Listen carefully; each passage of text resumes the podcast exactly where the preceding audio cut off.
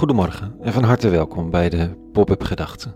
Ik ben Rico en ik schrijf in de ochtend al improviserend een overweging om de dag mee te beginnen. Om zes uur gaat de wekker. Ik lees dan de Bijbelteksten van de dag en als schrijvende vraag ik me af wat er mogelijk voor betekenis in huist. En dan deel ik hem.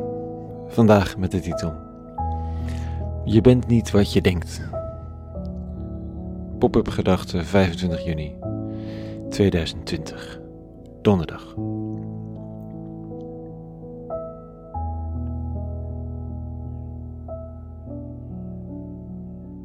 Je bent niet wat je denkt. Je bent waarschijnlijk veel leuker dan je denkt. Op een enkele uitzondering na.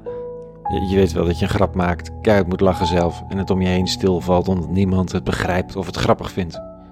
Dan ben je even niet zo leuk als je denkt. Kan, maar meestal ben je veel leuker dan je denkt. Oh, en je bent waarschijnlijk ook veel slechter dan je denkt. Ik bedoel, er hoeft maar op de juiste knoppen gedrukt te worden. Van onzekerheid, frustratie, angst, wat dan ook. En je staat versteld wat er voor lelijkheid uit jezelf naar boven kan komen. Ja, toch? We zijn niet wat we denken over onszelf.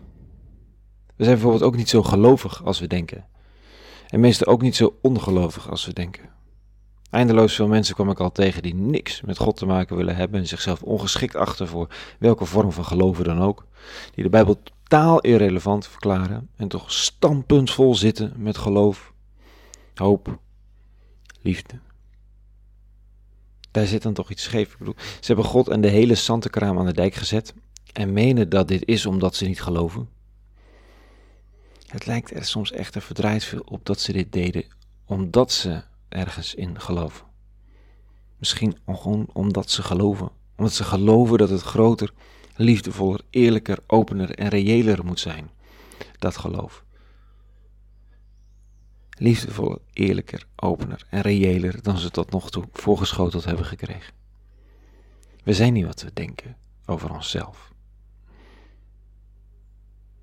De lezing van vandaag, die zegt, in die tijd zei Jezus tot zijn leerlingen, niet ieder die tot mij zegt, Heer, Heer, zal binnengaan in het koninkrijk der hemelen.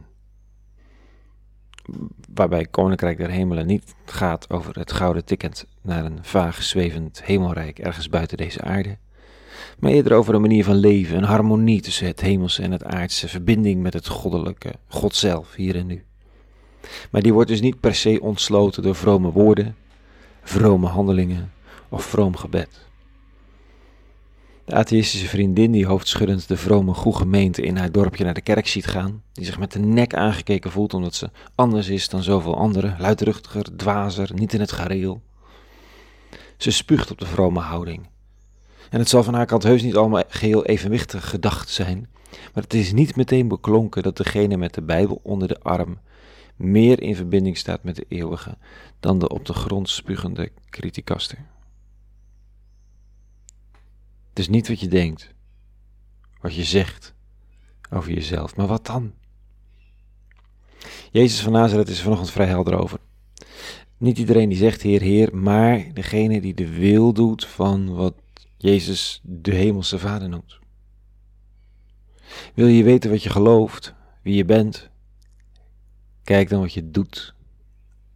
En niet alleen naar wat de ander doet, maar ook naar wat je zelf doet. En wil je iets anders geloven, hopen, liefhebben, ga dan wat anders doen. Er ligt zoveel kracht in de handeling.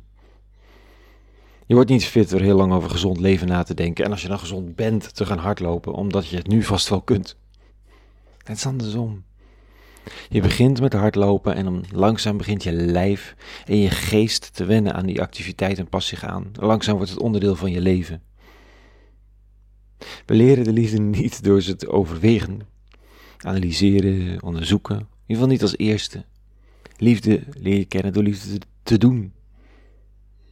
Oh, en God is liefde, zeggen ze.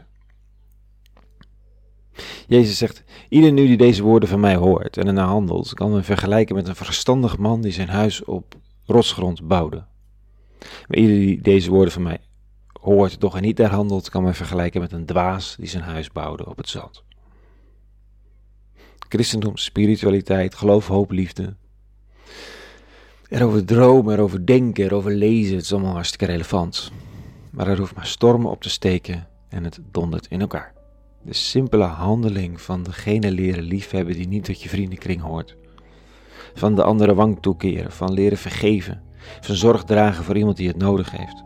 Alles wat Jezus heeft opgesomd in de hoofdstukken voorafgaand aan deze uitspraken, de hele zogenoemde bergreden.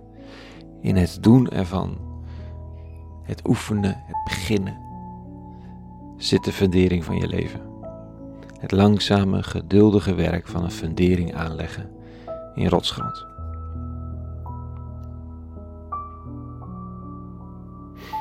Tot zover vandaag. Een hele goede donderdag gewenst. En een stevig doortimmerde vrede. En alle goeds.